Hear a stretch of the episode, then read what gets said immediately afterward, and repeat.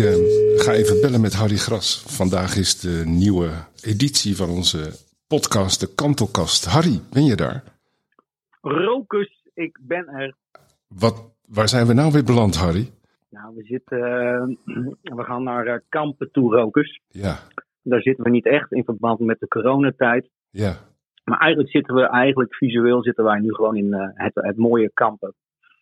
En dat is, nou, dan gaan we een zeer eh, bijzondere eh, eh, dame ontmoeten. ja. Die wij een paar mooie, hele mooie vragen gaan stellen. En die heel graag ook mee wil werken. Dat is altijd wel heel fijn. Ja, ja, fantastisch. Petra van der Lubbe heet ze, Harry. Ja, Ja. Petra van der Lubbe, ja. En hoe heb je haar leren kennen? En het was ongeveer, ik denk dat het ruim een jaar geleden is dat Petra mij opbelde. En wat mij opviel was al gelijk de energieke stem. En zij vroeg aan mij of ik een eh, training wilde geven, deescalerend werken. Omdat ze wat eh, mensen met wat meer lastig gedrag kregen. En de eerste training die eh, ik haar daar gaf, bij die bijzondere organisatie Umahai, eh, was dat, ik, dat zij gelijk meedeed als directrice.